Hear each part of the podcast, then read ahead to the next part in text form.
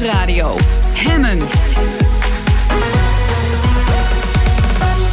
Roelof Hemmen. Welkom bij Hemmen, je dagelijkse deep dive in het nieuws. De kerncentrale van Fukushima werd zeven jaar geleden verwoest door een tsunami. Mijn gast is atoomfysicus en energiedeskundige Wim, van Wim Turkenburg. En hij is naar de plek des onheils toegeweest om daar met eigen ogen te zien hoe het er is. En hij is hier. Welkom meneer Turkenburg, mooi dat u er bent. Ja, goedemiddag. Hoe ziet Fukushima er nu uit? Ja, eh, eh, Fukushima dat is een provincie. En eh, een deel van die provincie is dus ontruimd na de kernramp. Dat is ongeveer een gebied de grootte van, van Utrecht. En een deel van dat gebied is inmiddels weer vrijgegeven voor bewoning. en mondjesmaat keren daar weer bewoners terug. Uh, nou, we hebben met een groep uh, mensen uit Nederland voornamelijk, uh, georganiseerd door milieuvereniging Green Cross, daar rondgereden in de omgeving. En daar dus zelf gekeken hoe het eruit ziet. En een van de groep, dat was ik zelf, was dan ook ja, kreeg toestemming om ook de kerncentrale zelf in te gaan. En daar op het terrein van de kerncentrale zelf, waar alles is gebeurd, waar zeg maar de hel uh, uitbrak uh, zeven jaar geleden, om daar rond te kijken. En ik heb daar een uur uh, met een collega, Japanse collega, een, een, een ja, gerenommeerd stralingsdeskundige, heb ik daar rond gereden. En hebben allerlei uitleg gekregen en allerlei vraagstukken, problemen die daar, die daar spelen, hebben besproken. Waarom wilde u dat zien?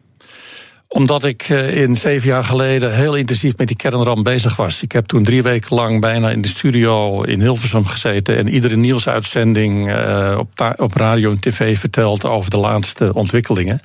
En ik heb ook de afgelopen zeven jaar dat ongeval steeds gevolgd. Ik wilde ervan leren. Ik vind dat we er ook van moeten leren. Uh, kijken naar andere kerncentrales in de wereld. hoe kun je die veiliger maken? En hoe ga je om met een kernramp als die zou plaatsvinden? Wat kunnen we dan leren van Japan? Dat is heel belangrijk. En dan uh, reed u daar dus rond, of u liep daar misschien ook rond. En wat zag u dan? Hoe was dat om daar te zijn? Op de plek waar, zoals u net zei, de hel losbrak zeven jaar geleden. Ja, ja, ja ik, ik vond het fascinerend. Uh, er zat steeds een mannetje bij me die een, een, een stralingsmeter bij zich had. Dus ik wist permanent hoeveel straling ik ontving. Want je krijgt natuurlijk wel iets meer straling dan wanneer je buiten de plant uh, iets, iets meer? Nou, ik heb daar een uur eh, binnen de, eh, binnen de poorten rondgereden. En de totale straling die ik daar heb ontvangen was gelijk aan de straling die je krijgt als je een röntgenfoto laat maken bij de tandarts. Dus dat valt eigenlijk dat valt best wel mee. Oké, dat, valt mee. mee. Maar, maar, hoe was het om daar te zijn? Kijk, op die plek werken iets van, van 5000 mensen, ruim 5000 mensen. En ja, die moeten proberen daar de zaak onder controle te houden, want het kan nog steeds misgaan. En die moeten proberen de boel op te ruimen. Dus uh, ja, het zag er nu uit als een soort van industriële uh, plantgebied. met enorm veel watertanks waar relatief water in zit. Je ziet die, zeg maar die, die reactoren die, waar kernsmeltingen hebben plaatsgevonden. ik heb daar een zeg maar 10 meter langs gereden, afstand. Maar kon u die gesmolten reactoren zien? Nee, nee, nee, nee, nee. nee. Die hebben nee, wel nee, afgedekt, mag ik hopen. Ja, nee, nee, je, je komt absoluut niet in. Kijk, dat is zijn uh, reactor 1, 2 en 3. Daar zijn de kernen gesmolten. En dat is daar buitengewoon gevaarlijk binnen in de reactor zelf. Daar komen geen mensen. Daar komen ze wel met robotjes om te kijken wat er aan de hand is. Het is ook een van de vraagstukken. Hoe gaan we die gesmolten ja. kernen daar weghalen? Ja, want, dat, dat duurt nog wel 30 jaar. Kunt u beschrijven hoe dat wat is dat, een gesmolten kern? En hoe wordt het, hoe wordt het veilig gehouden nu? Ja, het is, het is een mengsel van, van, van plutonium, uh, maar vooral uranium, maar ook staal en aluminium. Alles zit door elkaar heen. Dat is gesmolten en dat ligt er op de bodem op uh, een hele dikke cementlaag van al acht meter dik. Daar is het een klein beetje ingesmolten.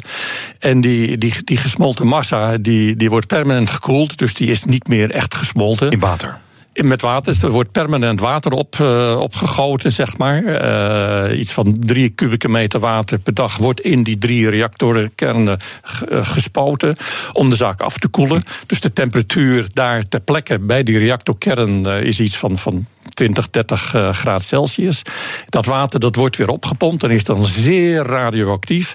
En dat gaat dan naar een chemische plant die ze daar hebben gebouwd. Om al die, het gaat wel om meer dan 60 uh, kernsplijtstofelementen of kernsplijtingselementen, die moeten er allemaal weer uitgehaald worden. En dan hou je licht radioactief water over. En dat wordt daar in vaten opgeslagen. Er staan nog iets van, van duizend vaten van, uh, van, van, van, van uh, ja, duizend kubieke meter water. En iedere week komt er weer een vat uh, bij. Dat laten ze daar gewoon staan. Dat laten ze daar staan omdat er toch nog een te hoog reactiviteitsgehalte is. En ze weten nog niet zo goed uh, wat ze daar op langere termijn mee moeten doen. Wat is langere termijn? Nou, dat zal waarschijnlijk over enkele jaren zijn. En dan hopen ze voor een deel door natuurlijke processen dat die reactiviteit wat minder is geworden. Maar ze hopen het ook toestemming te krijgen van de overheid dat ze het, eh, dat water wat erin zit mogen verdunnen. En dan op de oceaan mogen lozen. In zee lozen, ja, goed In idee. Nou ja, de vissers zijn daar tegen. Ja, uh, logisch. die zijn bang dat, dat de visserij daar schade van heeft. Met name ook imago-schade. Ik moet zelf zeggen dat uh, er zit eigenlijk alleen maar nog tritium in. Dat is een bepaalde stof. Dat is niet zo heel gevaarlijk. Oh. En als je dat verdunt, loost in de oceaan, ja, dan wordt het heel snel nog veel verder verdund in de oceaan.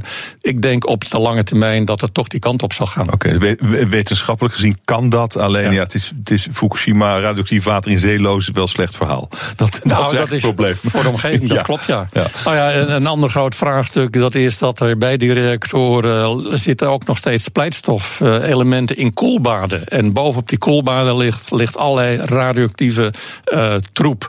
Eh, staal dat wat bij de explosies eh, zeg maar is afgedekt, neergevallen bovenop die koelbaden.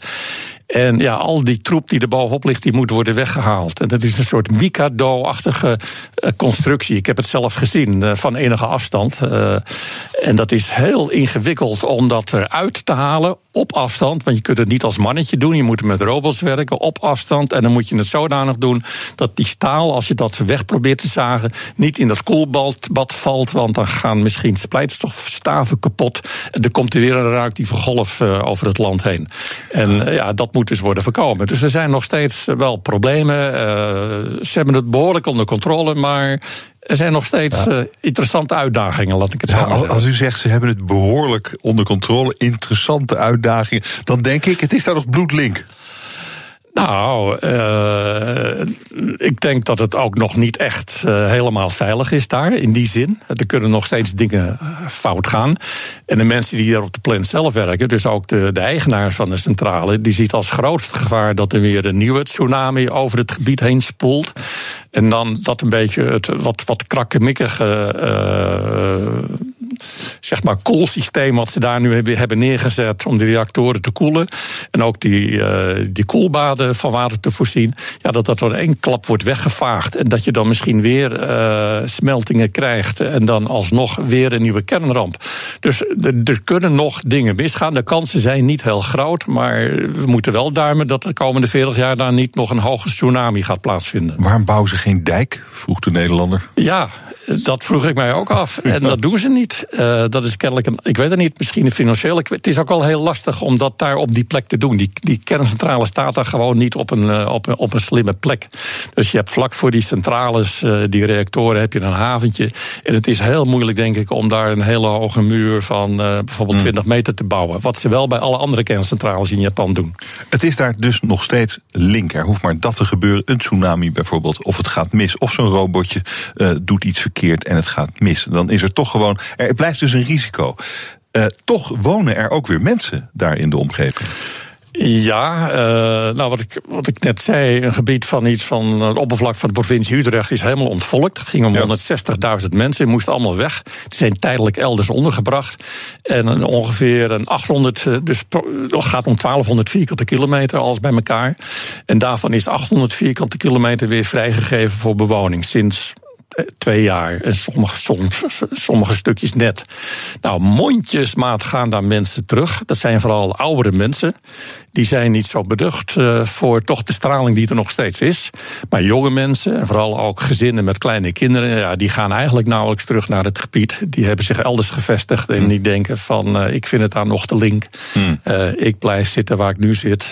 dat, is, dat is beter en gezonder voor mijn kinderen. Ja. U, u houdt zich al een leven lang bezig met atoomenergie. Dit is ja. hoe het ongelooflijk fout kan gaan. Ja. U heeft daar nu rondgelopen. Het was geloof ik de tweede keer dat u er was. wat is nou de, de, wat, is, wat trekt u hier voor lessen uit, voor uzelf? Nou, kijk, hier gebeurt wat ik al in de jaren zeventig, toen ik me begon te verdiepen in kernenergie, uh, uh, vreesde dat er zeer grote ongelukken konden plaatsvinden. Nou moet ik zeggen dat de impact van zo'n enorm groot ongeluk, dat we hebben er eerder eentje gehad in Tsjernobyl, dat dat toch minder is dat wij in de jaren 70 dachten. In de jaren 70 dachten wij dat als er zo'n kernramp plaatsvond, dan vallen er honderdduizenden doden. Door de straling, door de ramp zelf. Ja. Dat waren de studies in die tijd. Als je nu kijkt naar de huidige situatie, wat er in Tsjernobyl is gebeurd en nu in Fukushima. Door straling is er niet meetbaar iemand doodgegaan. Nog. Er zijn wel mensen gestorven in de plant zelf, maar dat zijn, je zou kunnen zeggen, beroepsrisico's. Die gebeuren overal wel. En buiten de centrale, onder die eh, 160.000 mensen die het gebied uit moesten, zijn er wel ongeveer zo'n 1500 nu dood. Niet door straling, maar door alle sociale ellende van ik moet weg, eh, de stress die dat geeft, familieverbanden die worden verscheurd, mensen die te eenzaam eh, worden en aan de drank raken, mensen die dus ook eh, zelfmoord plegen. Dus er hebben wel al in de omgeving, zeg maar 1500 mensen, de dood gevonden door die kernramp. Eh, minder ernstig dus dat wij in de jaren 70 Ja. dachten. Maar ja, daar moet je dus ook van leren. Hoe ga je om met evacuatie? Hoe voorkom je dat mensen die geëvacueerd worden, als er zo'n ramp gebeurt, dat die zodanig in de stress raken en zoveel ellende meemaken dat ze zeggen van ik maak er een eind aan. Dank u wel voor dit gesprek. Wim Turkenburg, energiedeskundige, atoomfysicus. Dank u wel. En zometeen kleding die de brandweer vertelt waar ze heen moeten, waarmee soldaten kunnen communiceren. Zometeen. BNR Nieuwsradio. Van goed naar beter. Er gaat heel veel goed in ons land, maar laten we ambitieus blijven. Het kan altijd beter. Vandaag in Van Goed naar Beter het bedrijf Elitac. Dat vibrerende elektronica in textiel verwerkt. Zo kan er makkelijk informatie naar de gebruiker gestuurd worden. Bijvoorbeeld de brandweer, militairen, maar ook slechtzienden kunnen allemaal geholpen worden met de wearables van Elitac. Bij mij is oprichter Marijn Klarenbeek. Welkom meneer Klarenbeek, goedemiddag. Ja, bedankt. Goedemiddag. Eh, vibrerend eh, textiel. Nou, ik heb uw vest aan. Ja, Eh, en het kan vibreren. ja. Nou, Zal ik dat eens doen dan? Doe maar. Ja, hij gaat om me heen. Ik voel hem trillen, heel duidelijk. Wat probeert u mij nou te vertellen? Wat probeert het vest mij nu te vertellen? Ja, dit is het patroon afbreken, terugtrekken. Oh, dat gaan we nog niet doen. Nee. Dit is de militaire toepassing. Ja, dus voor eh, militaire, eh, speciale politieeenheden, brandweer, die dan terug worden getrokken en met dit signaal in één keer weten wat er van ze wordt verwacht. Nou, dat, dat is heel duidelijk. Wat kan het nog meer? Het moet natuurlijk wel simpel. Je moet het. Ja. Laat nog eens een paar, een paar dingen voelen. Ja, ik heb bijvoorbeeld ook navigatiepatronen. U voelt Oh nu ja, bijvoorbeeld linksaf. links. Ja. Ja. Of rechtsaf. Ja, voor rechtsaf. En dat is, ja, maar dat is heel grof. Dat is gewoon haaks eh, rechts. Ja, ja, maar het kan ook zeg maar, want nu, er zit ook een kompas in, dus u kunt er ook mee navigeren. Dus u kunt een route invullen en dan kunt u zeg maar, zonder op een kaart of een scherm te hoeven kijken, Ah, ah. kijken zeg maar. En dan geeft hij op een soort 360 graden boog aan rond mijn lichaam eh, waar ik heen moet, kan hij dan heel precies laten trillen. Ja, precies. Zo werkt het. Ja. Oké, hoe kwam u erop op, op, op dit ding? Nou, TNO heeft er heel lang onderzoek naar gedaan. En daar kwamen hele positieve resultaten uit. Alleen er waren geen ja, toepassingen op de markt. Dus zo ben ik met iemand van TNO en nog een medeoprichter... heb ik Elitac eh, vijf jaar geleden opgericht. Eh, maar met welk oogmerk dan? Eh, want we- Nou, wie, wie ja. zijn op dit moment uw klanten? Nou, op dit moment met name klanten in het veiligheidsdomein. Dus een andere toepassing Militairen. is...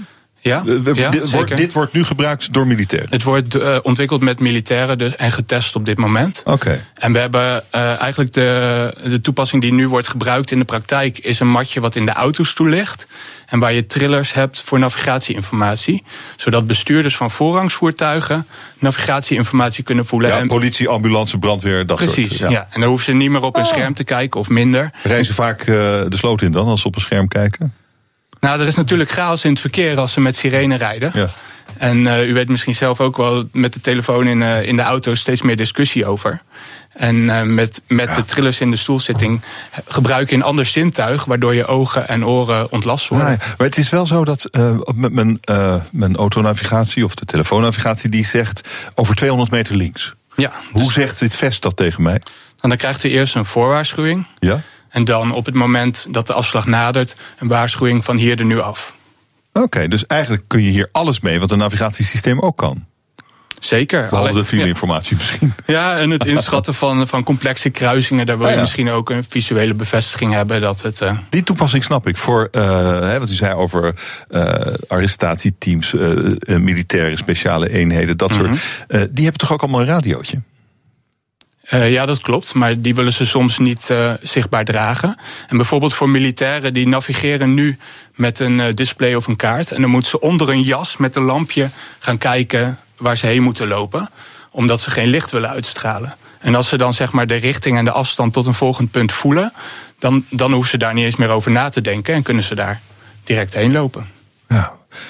Ik vind het een slim ding. Uh, zit er een batterij in ook ergens? Ja, er zit hier voor zit een, uh, zit een batterij. Heel kleine batterijtjes. Ja, dat zijn de trillers. Oh, hier, hier voel ik hem in. Ja, er zit een controlemodule met, uh, met batterijen in.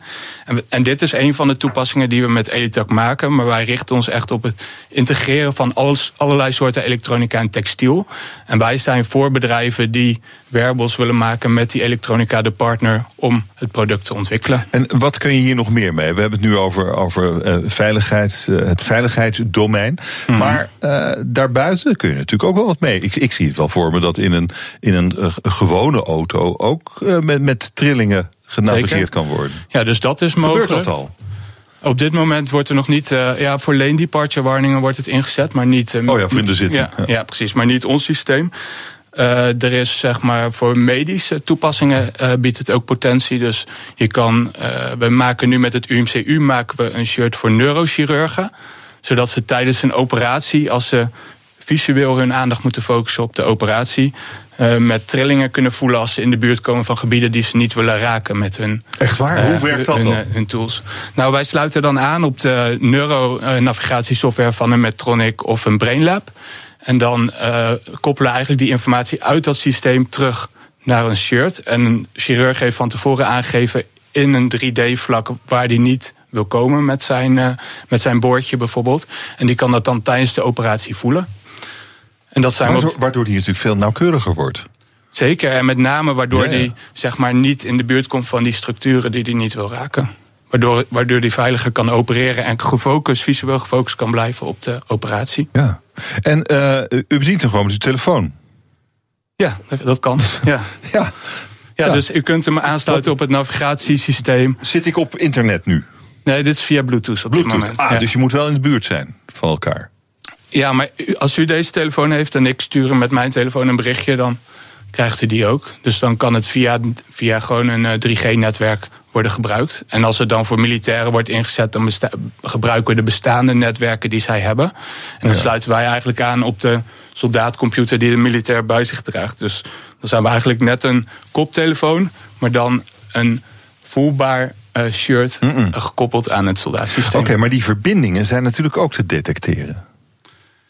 Nou, die, dat hangt er vanaf hoe je verbindt. Bluetooth is inderdaad te detecteren, maar het is ook mogelijk om hem gewoon met USB aan te sluiten en daardoor te voorkomen dat het uh, zichtbaar is. Nou, ik denk dat ik dat als speciale eenheid achter de militaire, uh, achter de vijandelijke dat ik dat dan wel zou willen, dat ze hem niet zouden kunnen zien.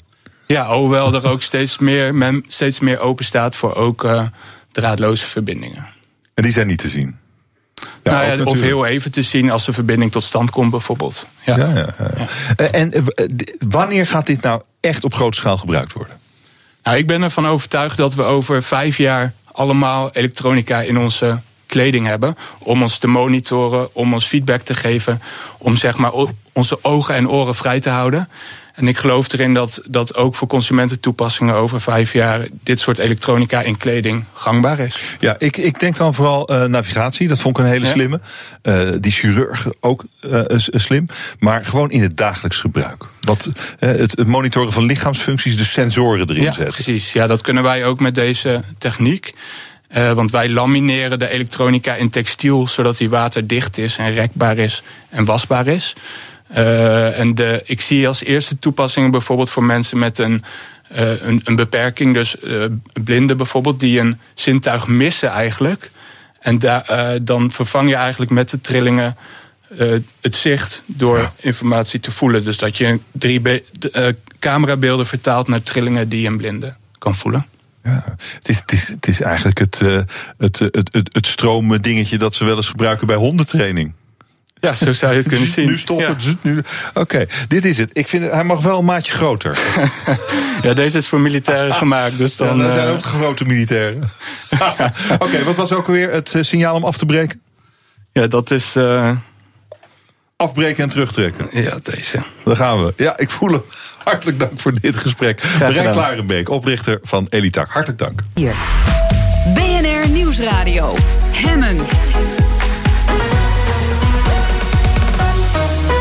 Hemmen. Fijn dat je luistert naar Hemmen, je dagelijkse deep dive in het nieuws. En vandaag gaan we het over onze soort hebben, de mens. We zijn slim, we zijn sterk, vindingrijk en veel mensen zijn enorm rijk. En toch kampen we massaal met zaken als stress, overgewicht, depressie, verslavingen. Hoe dat kan, bespreek ik met Mikkel Hofstee. Hij begeleidt mensen naar een gezonder en gelukkiger leven met zijn bedrijf Lifeguard. En hij heeft een boek geschreven, het heet Oermens 2.0.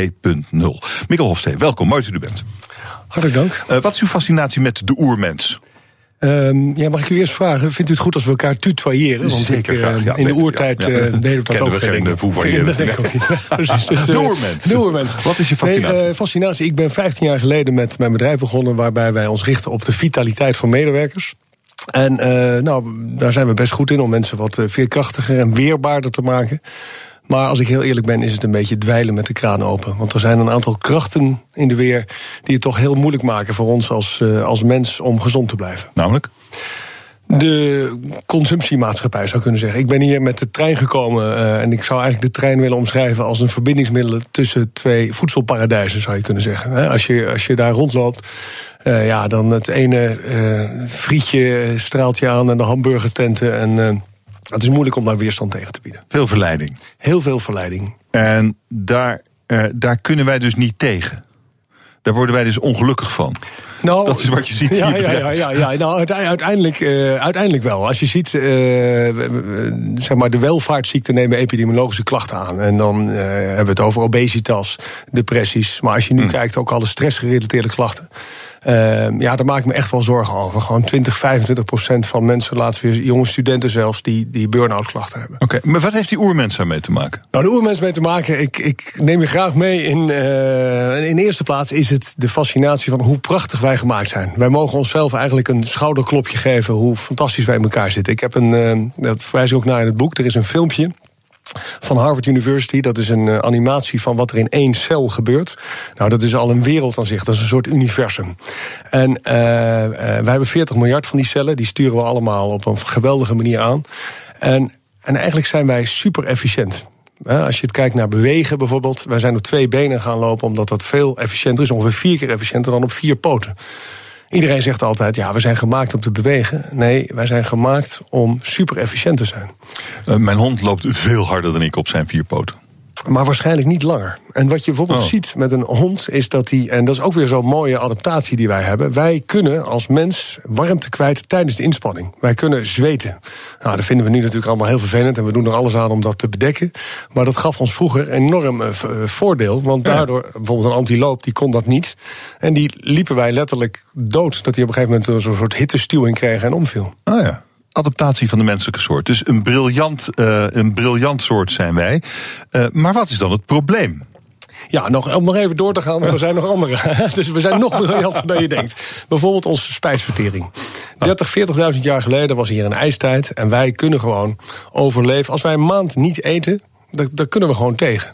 Als we maar, als we maar drinken. Dus het was hier koud 30, 40.000 jaar geleden. En wij, we hebben geen vacht, we overleefden toch.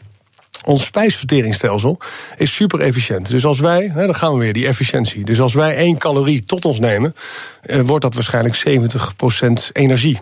Toen wij ook nog het vuur gingen beheersen, kregen we ook uit zetmeel veel meer voedingswaarde dan andere dieren.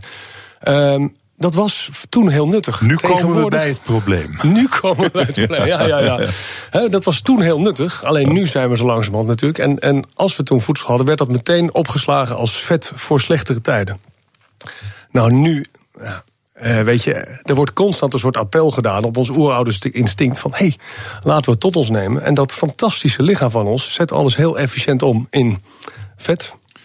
Oké, okay, dus dan, uh, dan, dan weet je waar het vandaan komt.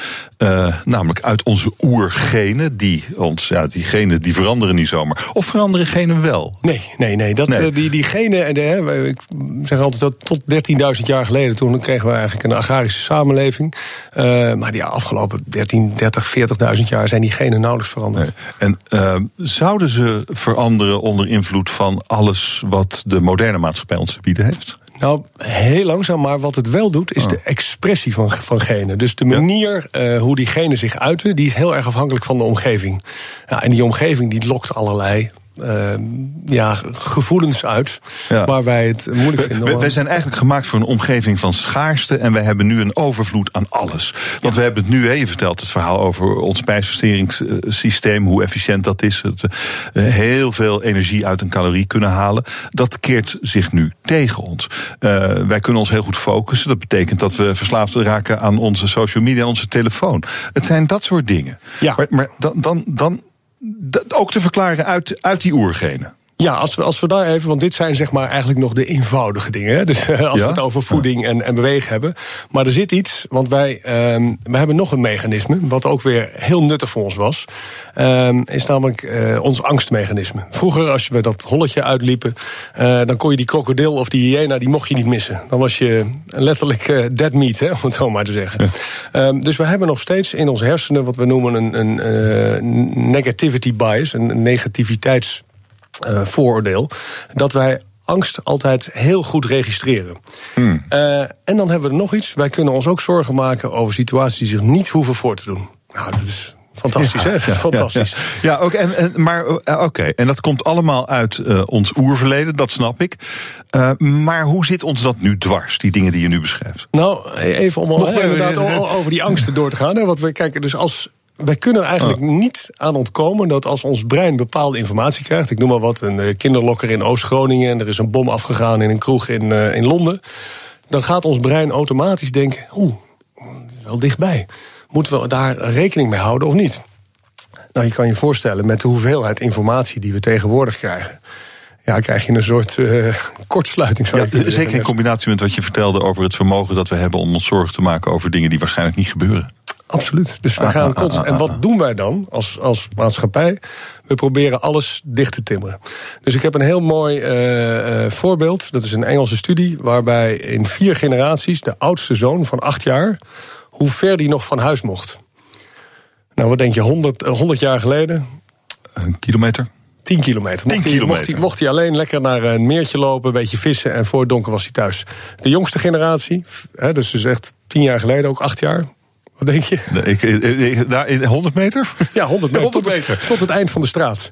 In Amerika is een echtpaar. eh, Angst, angst. In Amerika is een echtpaar aangeklaagd. omdat ze hun kinderen alleen naar de bushalte lieten lopen. Ja, dat is dramatisch. En die, die angst neemt overal toe. En wat we proberen is door regels en repressie. proberen we dat in, eh, in te dammen. En daar krijgen mensen heel veel stress van. Ik, ik heb een paar mooie voorbeelden. Ik zag laatst weer de eh ProRail kreeg een boete. Eh 2,4 miljoen, want ze hadden de stiptheid niet, eh, niet gehaald. Hè. Stip, dat moet natuurlijk op tijd rijden. Ja. Maar eh, we vergeten even dat ze eind januari... waren er eens een grote storm, 30, 40 bomen op, eh, op het spoor. 48 uur later kunnen wij weer allemaal met de trein rijden. Daar heb ik heel weinig mensen over gehoord hoe fantastisch dat is.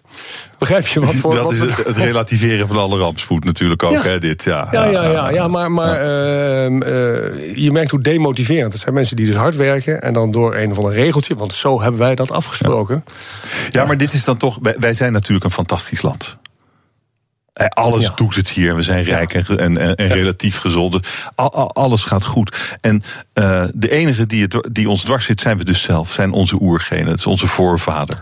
Ja, ja. En, en, en, eh, en het punt wat ik eigenlijk wil maken is, hè, met Oermens 2.0, is. want ik ben helemaal niet tegen vooruitgang. Ik, de dingen zijn, zijn fantastisch. Maar het is wel goed om eens even te weten hoe wij, ja, hoe ver wij van onze, van onze oergenen eigenlijk afkomen te staan. En hoe makkelijk er gebruik wordt gemaakt van een aantal van die mechanismes.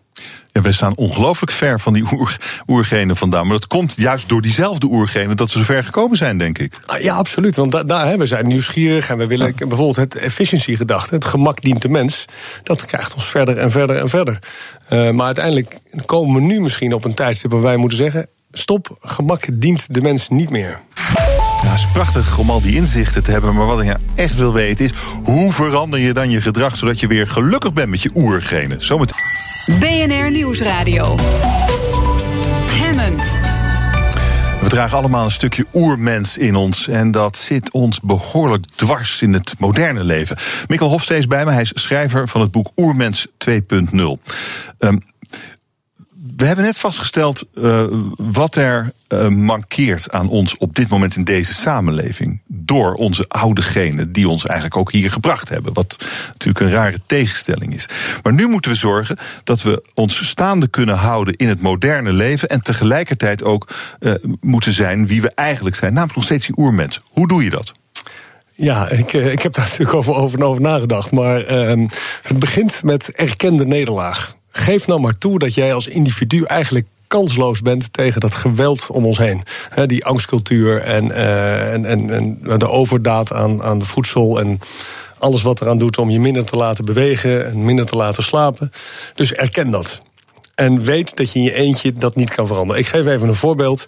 Ik heb mijn zoontje van tien, eh, toen hij in groep 7 kwam, heb ik ook een mobiele telefoon gegeven. Want ik dacht, ja, dat is, weet je, anders voelt hij zich buitengesloten. En die andere eh, kinderen hebben ook een telefoon. En dat denken al die andere ouders ook. Misschien moet je wel met elkaar wat afspreken. En zeggen, nou, die kinderen krijgen gewoon tot hun twaalfde geen mobiele telefoon meer. En wat doet dat goed voor die kinderen? Nou, wat wij nu zien, een mooi voorbeeld. Hè? We hebben het natuurlijk over de, de tabaksindustrie die wordt, wordt aangeklaagd. Maar weet je wat een snapstreak is? Uh, dat, ja, dan, moeten, dan moeten kinderen allemaal, die krijgen opdrachten... en dan moeten ze allemaal iets doen in een groepje. Nou ja, het is, het is kijk, stel dat, wij, wij, wij ik stuur jou een Snapchat. Ja, wij hebben geen Snapchat. Wij doen dat, dat doen wij niet, maar uh, de, de, de, jonge oermensjes... Wij hebben sms. Precies, wij sms. maar wij sturen elkaar een Snapchat. Ja. vandaag, dan komt er een eentje achter onze ja. naam. Als we dat morgen doen, weer een tweetje. Oh ja. over. Drie. Mijn dochter heeft 300 Snapchats, waarvan sommige langer dan een jaar als die een dag die mobiele telefoon niet heeft, dan is het paniek. Want jij bent toch niet degene die die snapstreak ja. uh, gaat uh, verbreken. Nou, dat soort mechanismes. Dus, en we zien al natuurlijk dat de kinderen bijziend ja. worden. Ja. ja, dat zijn de effecten. Want je zou kunnen zeggen, het is ook een heel sociaal iets. En er zijn ook mensen die vinden dat, dat echt heel goed. Ja, ik denk, maar ik denk dat je al, met al dat soort dingen. Wat is er slecht aan? Wat doet het met een kind? Wat voor generatie, eh, wat voor generatie wordt jouw zoontje en jouw dochter en al die andere zoontjes en dochters die nu ja. met die telefoon zo bezig zijn? Nou, je, je, je, ziet in de motoriek dat het. Uh, wij weten van, van een aantal uh, coaches, uh, onder andere Jacques Ori is, is die, die schaatscoach, die, die, die dat ook al ziet. Dat mensen gewoon motorisch minder goed ont, ontwikkelen. we zien dat ze het moeilijk vinden om echt empathie te hebben. Focus en concentratie is al lastig. tuurlijk zitten er een aantal goede dingen in. Hè? Dat, dat, oplossingsgericht en ook wel misschien een vorm van, van creativiteit en doorzetting. Maar de, ja, mijn pleidooi zou zijn om het en-en te doen. En wat, dan? Nou, echt beperken. En, en ook zeggen van uh, we gaan pas op een latere leeftijd een aantal van die spelletjes. Wat gaan die kinderen dan doen? Net zoals wij. Weer vroeger lekker naar buiten. En als we allemaal z'n allen weer naar buiten gaan, is het ook weer een stuk veiliger. Dan kan je ook weer wat verder van, uh, van je ouderlijk huis af. wat verder, ja. Uh, die mensen die bij jou uh, komen, om, die willen weer gelukkig worden.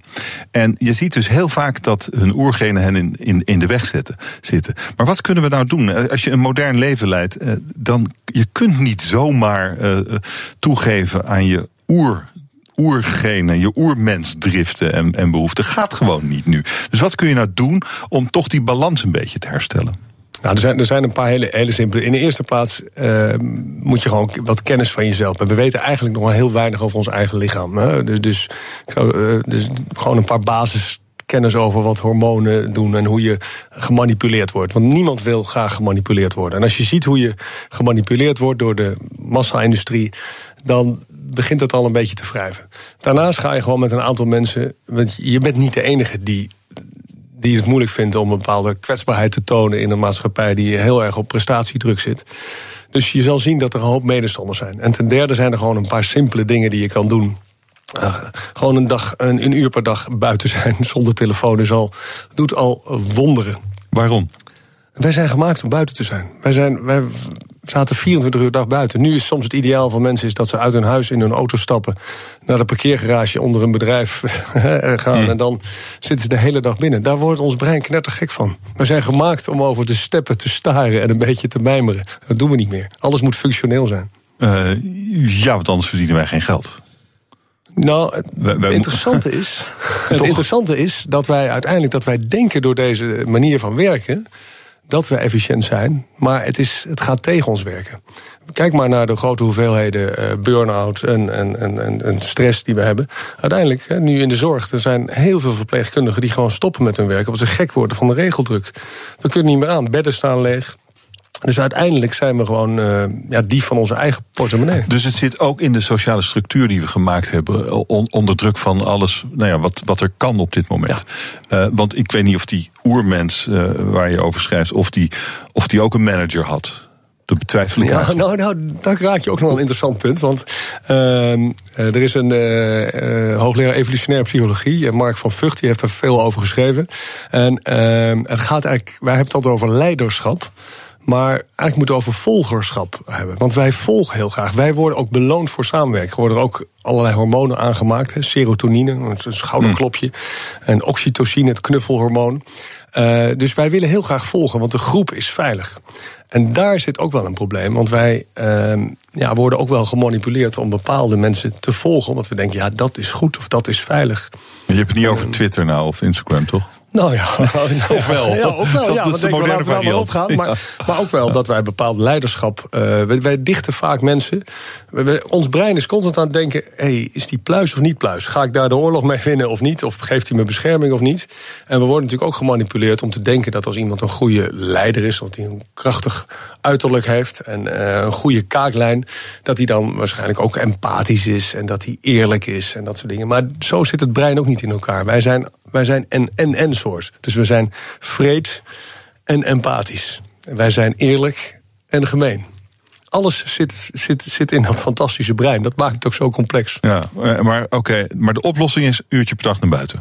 Nou ja, dat sla je, dat sla je heel. De oplossing is zelfkennis. Zelfkennis, weten wat je, wat je drijft ja. en hoe je gemanipuleerd wordt. Hoe je gemanipuleerd ook wel wat meer je, je rechterbreinshelft uh, gebruiken. Dus de, de feminine kant. Wat meer mededogen, open, kwetsbaarheid uh, en samen. En een uurtje naar buiten. Ja. het boek heet uh, Oermens 2.0, geschreven door Mikkel Hofstee. Die was hier. Mikkel, dankjewel. Dankjewel, Olaf. Energiezaken. Het is uh, dinsdag tijd voor energiezaken met onze energie-expert Remco de Boer, maker van de podcast Studio Energie. Remco, goedemiddag, mooi dat je er bent. Goedemiddag, Rolof. Hi. Je had een mooi interview met de CEO van Shell uh, gisteren, Ben van Beurden. En een van de dingen die hij zei, is dat Shell meer had kunnen doen om te waarschuwen voor de klimaatverandering. Ik laat een klein stukje horen. Dan kun je zeggen, hadden wij misschien harder moeten praten? Hadden we misschien daar een groter probleem van moeten maken? Nou, eerlijk gezegd, vind ik wel, als we daarop terugkijken, dat we wellicht assertiever hadden moeten en kunnen zijn. Want uiteindelijk is nu toch het probleem dat het probleem bij ons wordt neergelegd. Uh, terwijl het uiteindelijk natuurlijk een veel breder maatschappelijker probleem is. Ja, dit is best opvallend wat Van Beurden hier zegt. De grote baas van Shell. Hij zegt, ja, we, hebben, hadden wel wat eerder kunnen zijn. Maar tegelijk zegt hij, je kunt ook niet alle problemen bij ons neerleggen. Um, tja, wat vind je ervan, wat hij hier zegt? Nou, ik, ik, ik, denk dat hij het, ware probleem van uh, klimaatverandering, uh, onze energieconsumptie en hoe we dat moeten invullen, uh, liefst met duurzaam, maar nog altijd met fossiel, dat hij dat perfect samenvat. Dit is het grote probleem. En ze hebben inderdaad in 1991 die film uitgebracht. Daar heb ik het ook uitgebreid met hem over gehad. Een hele alarmistische film. Zeker het eerste kwartier. Had, vandaag kan het door Milieudefensie en Greenpeace nog gemaakt worden.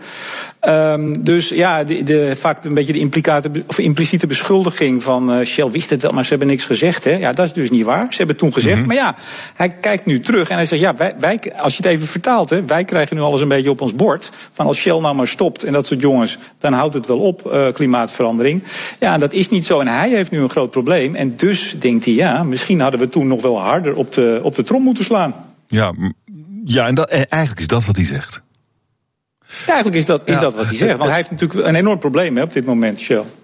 Uh, ja, nou ja, uh, want hoe, wat, welke van de vele problemen bedoel je nu? Nou ja, kijk, uh, uh, hij zegt het ook aan het eind van het gesprek. Hè. Hij heeft uh, een, een, aantal zaken waar hij ook zichzelf en het bedrijf aan afschaalt. En één daarvan is ook een bedrijf zijn wat gezien wordt als een, als een, ja, een, een, een goed bedrijf, om het maar heel simpel samen te vatten. Een bedrijf dat, dat ja, maatschappelijk verantwoord is. Hè. Nou ja, als je de beschuldigingen ziet, die rechtszaak die Milieudefensie heeft aangespannen tegen het bedrijf. En wat je ook gisteren zag hmm. voor een deel de reacties op het interview, want het ging all over the place. alle media pakten het op. Dan zag je aan de ene kant natuurlijk uh, ook genuanceerde reacties. En ook mensen zeggen, goh, goed dat hij nou eens een keer een half uur lang Uh, ja, ook bijna een soort empathische. Uh, uh, hij, zet er een wat, wat gevoelig beeld neer, laat ik het zo zeggen. Maar je zag ook natuurlijk weer mensen die een bewijs van spreken morgen aan de hoogste boom willen opknopen. Ja, dat is natuurlijk voor een bedrijf nooit, nooit fijn. Zeker niet in Nederland. Daar hebben ze met name dat probleem. De rest van de wereld kijkt men heel anders tegen Shell en fossiele bedrijven aan. Ik vond het wel mooi aan het eind van het interview dat je met Ben van Beurden had, was vroeg je hem op een gegeven moment aan welke kant van de geschiedenis denk je dat je terechtkomt zometeen met Shell? Aan de goede kant van de slechte kant. En ik, ik hoorde dat die vraag hem wel raakte. Ja, dat, uh, dat, dat, dat idee had ik ook. Uh, en hij, hij moest ook even een beetje, een beetje aarzelen. Kocht even wat tijd, zoals dat heet. Hij moest even nadenken. En ja, dat is wel echt een punt. Uh, geeft hij toch ruidelijk toe. Het aardige is, er is met Shell geen overleg geweest vooraf over de onderwerpen. En zeker niet over de vraagstelling. Dat vond ik ook wel een mooie. Hè? Die man gaat daar zitten, toch als uh, uh, CEO van een van de grootste bedrijven ter wereld. Ja, die wist ook niet wat hij op hem, uh, op hem af zou krijgen. Um, en ik denk dat hij daar op dat moment naar eer en geweten antwoordt. Hij zei, ja, dat is, dat is wel een punt. Aan welke kant sta je? Mm -hmm. Nou, ik zag alweer iemand, een, een nou, voormalig milieudefensie-campaigner... die zei, nou, dat weten wij wel, Ben, aan de verkeerde. En dat vind ik echt heel erg tekort doen aan. Uh, nou, zeker als je het interview helemaal uh, hoort. Het is ruim een half uur. Dan geeft hij volgens mij een, uh, een oprecht beeld van ook de worsteling die hij als mens heeft. En ook wat zo'n bedrijf heeft. Dat aan de ene kant moet zorgen voor een deel van onze energievoorziening. Hè. In hun scenario mm -hmm. uh, gaan we ongeveer 75% meer energie verbruiken wereldwijd in 2070. Misschien dus wel een verdubbeling deze eeuw. Ja, en hernieuwbaar kan dat tempo gewoon nog niet bijbenen. Dus we zullen het nog een tijd nodig hebben. Ja, in die spagaat zit zo'n bedrijf, zit zo'n man. Ja. Uh, af van fossiel, maar toch ook uh, de, de miljard mensen die nu geen elektriciteit hebben, ook voorzien. En de miljarden die nog geboren gaan worden. Maar het is ook zo dat Shell, geloof ik, 25 miljard per jaar uitgeeft aan uh, ontwikkeling. En dat daarvan maar 1 miljard of zo naar duurzame ontwikkeling van energiebronnen gaat. Dat is wel Klopt. weinig. Klopt. Ja, nou ja, hij zegt zelf: uh, ik ken geen bedrijf. Het is overigens bijna 2 miljard uh, groeiend naar 2020. Maar goed, Oh, detail. Inderdaad, op de 25 tot 30, 1 à 2 miljard. Uh, hij zegt zelf, ik ken geen bedrijf die dat ook doet. En ik denk dat hij daarmee bedoelt geen van de grote, de majors, hè, de Aha. grote olie- en gasbedrijven. ik heb dat niet zo snel in het gesprek even kunnen nagaan. Maar het, is een fix bedrag. Maar inderdaad, je hebt helemaal gelijk. Ten opzichte van uh, uh, wat ze totaal investeren, is het relatief gering. Aan de andere kant, uh, ja, kijk, hij zegt ook, en dat vond ik ook wel een, een eerlijk antwoord hoor. En ja, hij kon ook misschien niet anders.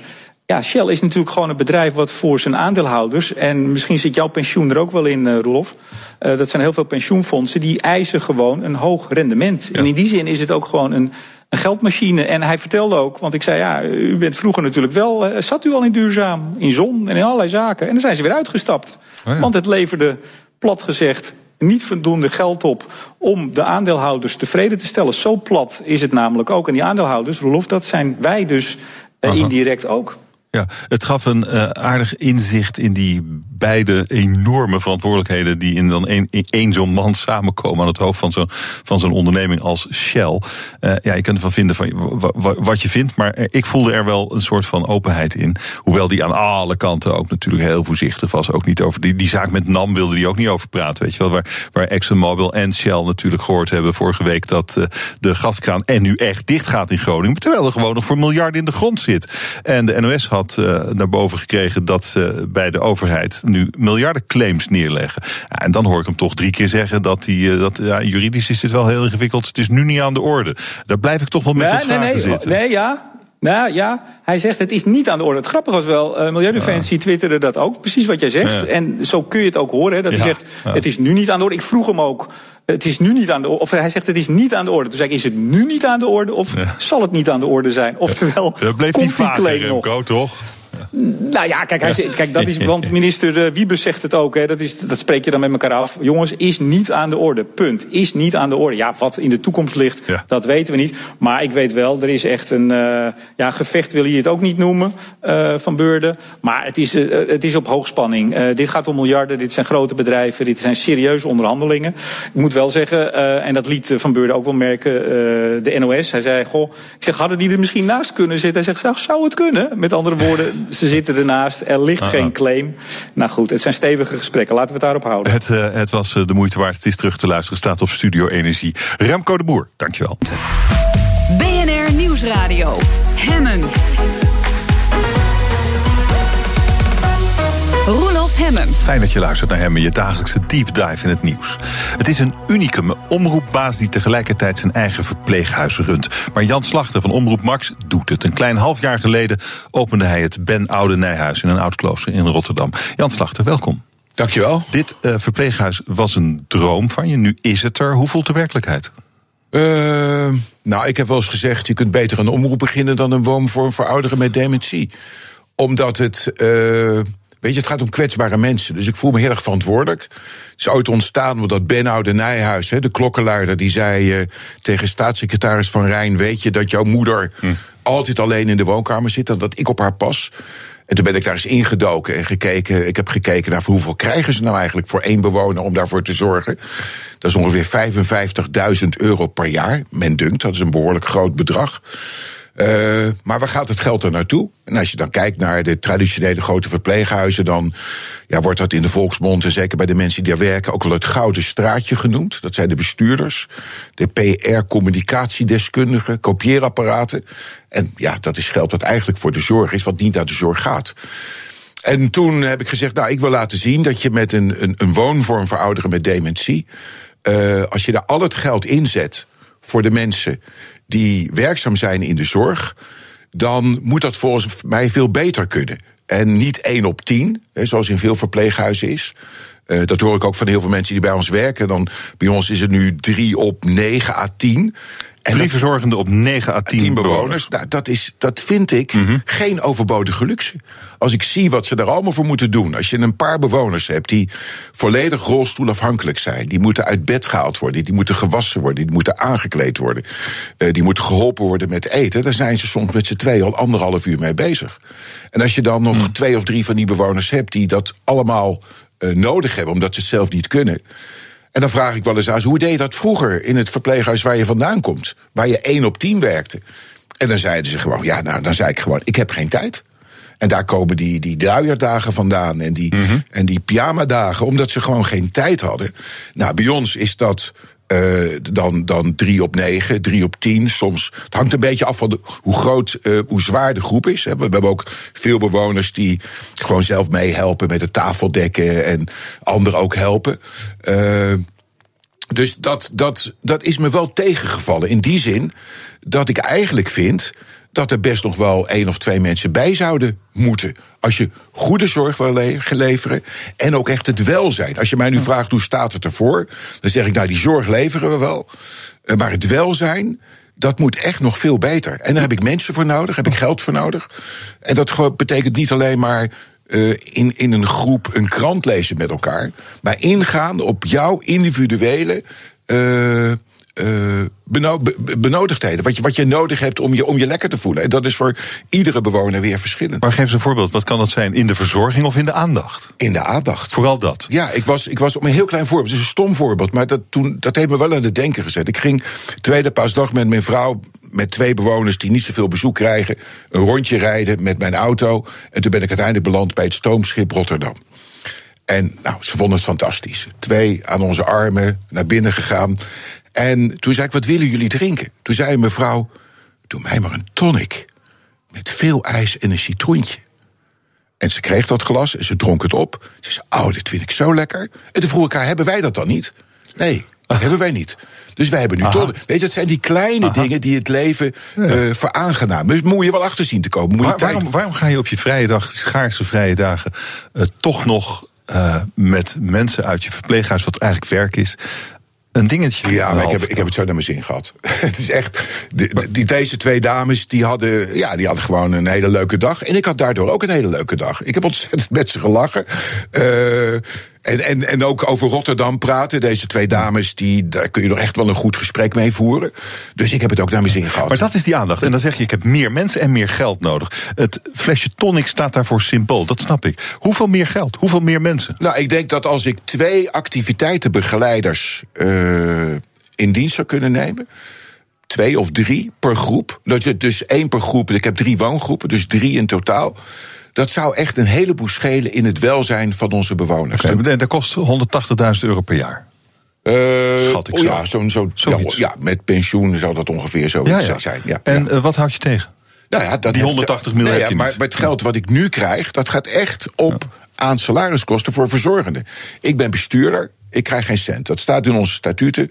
Bestuurders eh, werken eh, zonder enige vergoeding. Hm. Datzelfde geldt voor onze raad van toezicht. Dus het geld gaat gewoon naar, Ah. naar, naar medewerkers. Maar heb je wel een directeur? Nee, ik heb een hoofdzorg. Een hoofdzorg? En die, die is ook geacht om minimaal 50% van haar tijd Aha. op de vloer te staan. Om mee te helpen, want daardoor zie je dingen. En en die heeft geen vervanger? We hebben twee verpleegkundigen. Twee verpleegkundigen. Die vervangen haar. Ja. Eh, dus ja, en zo. En ook, Het is al ook- bijna een zelfsturend team. Ja, ja. Eh, om, om een voorbeeld te geven hoe mensen zelf ook bezig zijn. Stel dat, dat, dat er iemand bij ons eh, niet goed wordt. En, en ja, moet hij dan wel of niet gereanimeerd worden? Dat, dat is een vraag. Nou, dat staat bij ons eh, in, in, een, in een zorgplan en dat staat op een iPad. Nou, je, stel dat die mevrouw op de tweede verdieping woont. En, en je, dan moet je snel naar beneden lopen, moet je dat op gaan zoeken. Maar ja, iedere minuut telt. En toen zei iemand: Weet je wat, we kunnen met stickers gaan werken. Als we nou gewoon een rode sticker in de kamer hangen, bovenin. Rood betekent niet animeren, groen betekent wel animeren. Nou, dat, dat kwam zelf vanuit de groep, heel simpel. Maar dat, dat is ook weer iets wat ze zelf hebben bedacht. Het is wel belangrijk dat je die sticker wel weghaalt als er een nieuwe bewoner komt. Maar nou, dat is ook weer iets waar je, waar je op moet letten. Maar het zijn vaak voor die hele simpele dingen. Eh, en ik, ik ben, waar ik me ook enorm in vergist heb, is, is die enorme regelgeving. Ik heb met negen zorgverzekeraars te maken. En de een vergoedt het wel, de ander vergoedt het niet. Nou, het dat is echt een drama. Als ze daarin. En wie, wie doet dan dan? Wie doet dat dan? Die, die hele administratie? Nou, daar hebben we een, een, een, we hebben een administratief medewerker. Die, eh, die werkt fulltime bij ons om heel de administratie van onze bewoners, de telefoontjes aan te nemen, et cetera. Eh, en we hebben bijvoorbeeld voor de salarisadministratie, dat huren we gewoon in. Daar ga ik niet iemand voor aannemen. En dat is veel goedkoper als dat je weer een afdeling PZ opricht, die eh, de salarisstroken Ja, ja, ja, ja. eind van de maand eh, uitdeelt. Dus, dus die drie activiteitenbegeleiders, die 180.000. En want ik vroeg je eigenlijk, hoe voelt de werkelijkheid? En eigenlijk is er nog wel veel te wensen. Er is nog veel te wensen. Ik ben ook nog niet tevreden zoals het, zoals het gaat. En, maar hoeveel, hoeveel eh, dus, ja, 180 mil heb je nodig dan? Maar wa- waarom, waarom komt dat niet? Want die eerste, het kost 7 miljoen, dit initiatief, hè? Eh, nou, dat is de, de, de, de, de aankoop van het Ja. pand en de renovatie heeft ongeveer 6,5, 7 miljoen gekost. En de exploitatie per jaar? Ja, dat, dat betaal je vanuit. eh, kijk, op het moment dat je zoiets begint, zoals wat ik heb gedaan. eh, dat was er nooit gekomen zonder de steun van de leden van Omroep Max. Een gala. Ja, die hebben 2 miljoen betaald. Die hebben alles bij 2 miljoen, dat is ja. inclusief de stichting Max Maakt Mogelijk. Ehm, dus het is eigenlijk, kijk, vroeger eh, waren er verpleeghuizen die stonden vanuit de kerken. Protestantse kerk, katholieke kerk, humanistisch. Maar die zijn bijna niet meer actief. En ik had dit eigenlijk nooit willen aankopen. Het was echt een noodgedwongen situatie. Omdat de woningcorporaties bij wie ik langs geweest ben, zo'n zo'n 60, die zeiden allemaal. Die doen wij niet. Er zijn kamervragen over gesteld. Eh, minister Blok van Wonen zei toen: Dit is hun taak om het te doen. Maar ze deden het niet. En zodoende heb ik ja, niet anders gekund dan, dan, dan een, een pand aankopen en het renoveren. Nou ja, maar dat, dat, maar dat staat er nou dus. Eh, Ja. 55.000 per bewoner komt er. Zit het vol eigenlijk? Eh, de zware zorg zit vol. Dus dat zijn zo'n 28 plekken. De lichte zorg, daar hebben wij nog plekken voor. Dat zijn mensen die eh, zelfstandig wonen. Die wel eventueel een lichte zorg Wat is lichte zorg? Ja, lichte zorg is dat je bijvoorbeeld geholpen wordt met je steunkousen. Dat, dat Oh ja. we je helpen met je medicijnen. Maar dat zijn mensen die gewoon eh, zelf koken, boodschappen doen, et cetera. En hoeveel plekken heb je daar dan nog over? Daar heb ik er denk ik nog een stuk of acht à negen over. Oh, dat is ook gek eigenlijk. Nou, Waarom loopt het niet storm? Nou, kijk, de zware zorg loopt storm. Daar heb ik al een wachtlijst. En dat is ook in eerste instantie de opzet geweest. Eh. Mensen met dementie een plek geven in het Benhoud en Nijhuis. Omdat het klooster zo groot was, was er ook nog een vleugel. Kijk, ik wilde ook geen, geen verpleeghuis worden met 60 plekken voor ouderen met dementie.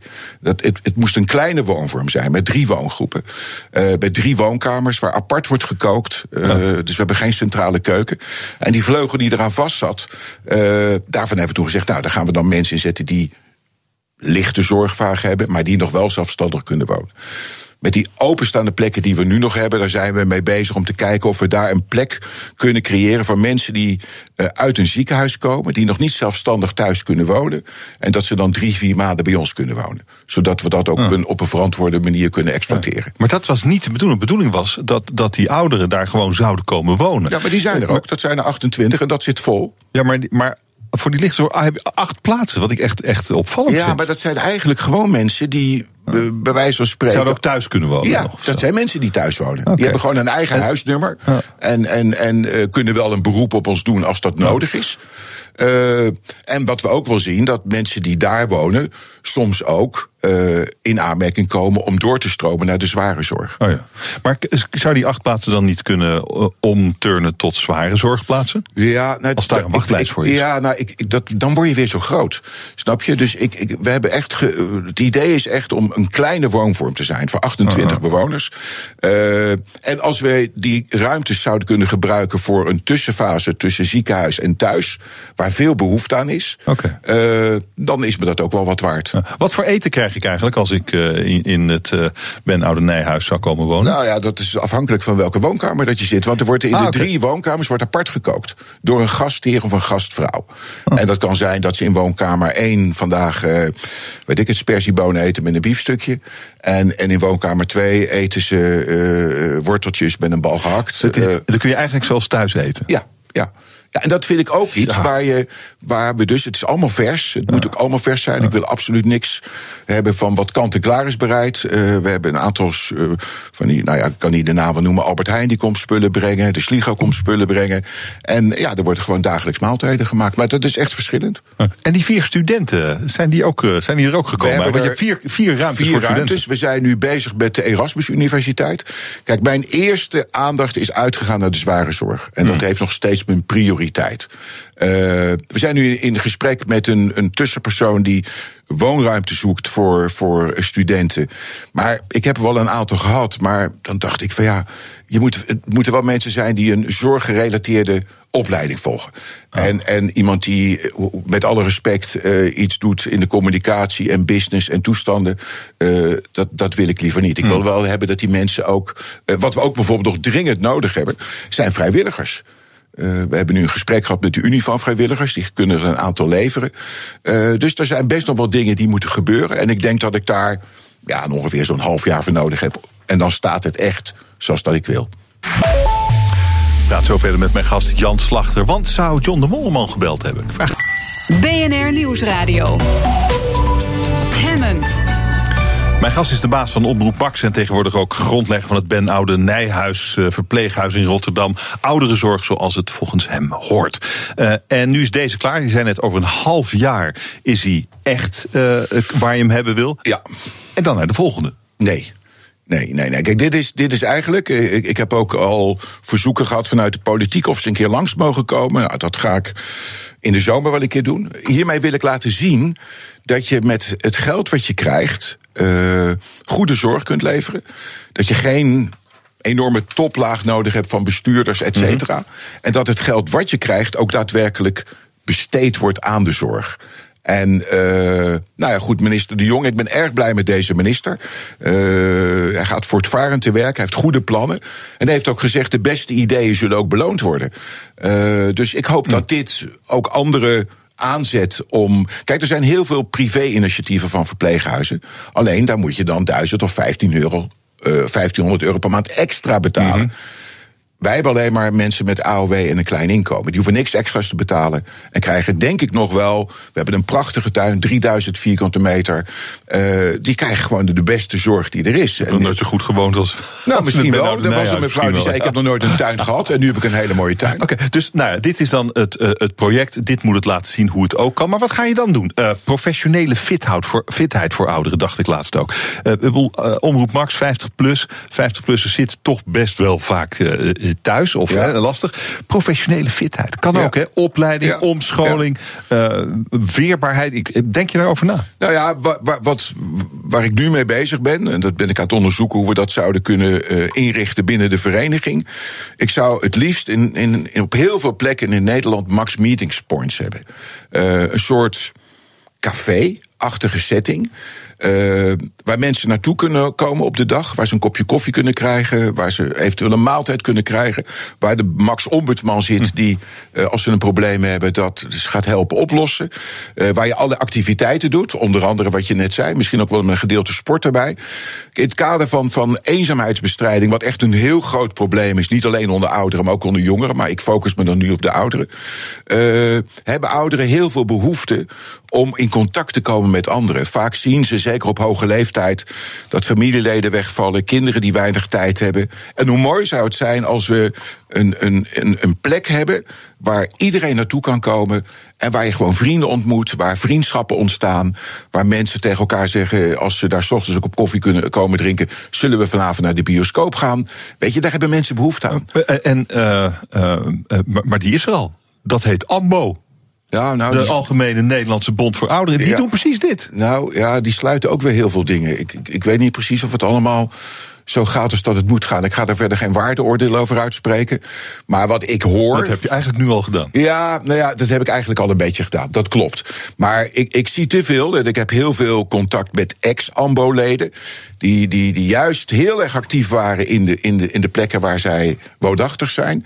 Ja, dat is ze afgenomen. Dat mag allemaal niet meer. Ze hebben geen geld meer om activiteiten te ontwikkelen. Nou, dat is hun probleem. Dat, dat is beleid van de AMBO. En daar uh, moeten ze maar mee doen wat ze willen. Maar ik zou voor onze leden. Uh, graag een plek hebben waar iedereen naartoe mag komen. En dat heeft ook te maken met. Alleen voor je leden? Nou, ook anderen. Oh. En dan neem je twee koppen koffie en dan ben je ook lid. Ik bedoel, zo moeilijk is dat allemaal niet. Dat schiet lekker op dan. Dat, dat, dat nu 335.000, dat gaat goed met 355.000 hebben nemen niet ja, ja, en, en er komen dagelijks nog steeds uh, leden bij. Uh, en ook ons blad groeit als kool. Iedere, deze week hadden we weer 800 nieuwe abonnees erbij. Dus ja. ja, het gaat hartstikke goed. Maar waarom doe je dat allemaal? Allemaal buiten de televisie, buiten de omroep. Waarom een verpleeghuis, max meeting points? Het, eigenlijk het gat opvullen waarvan je zegt dat Anbo het laat liggen. Waarom? Nou ja, omdat, kijk, wij zijn een vereniging.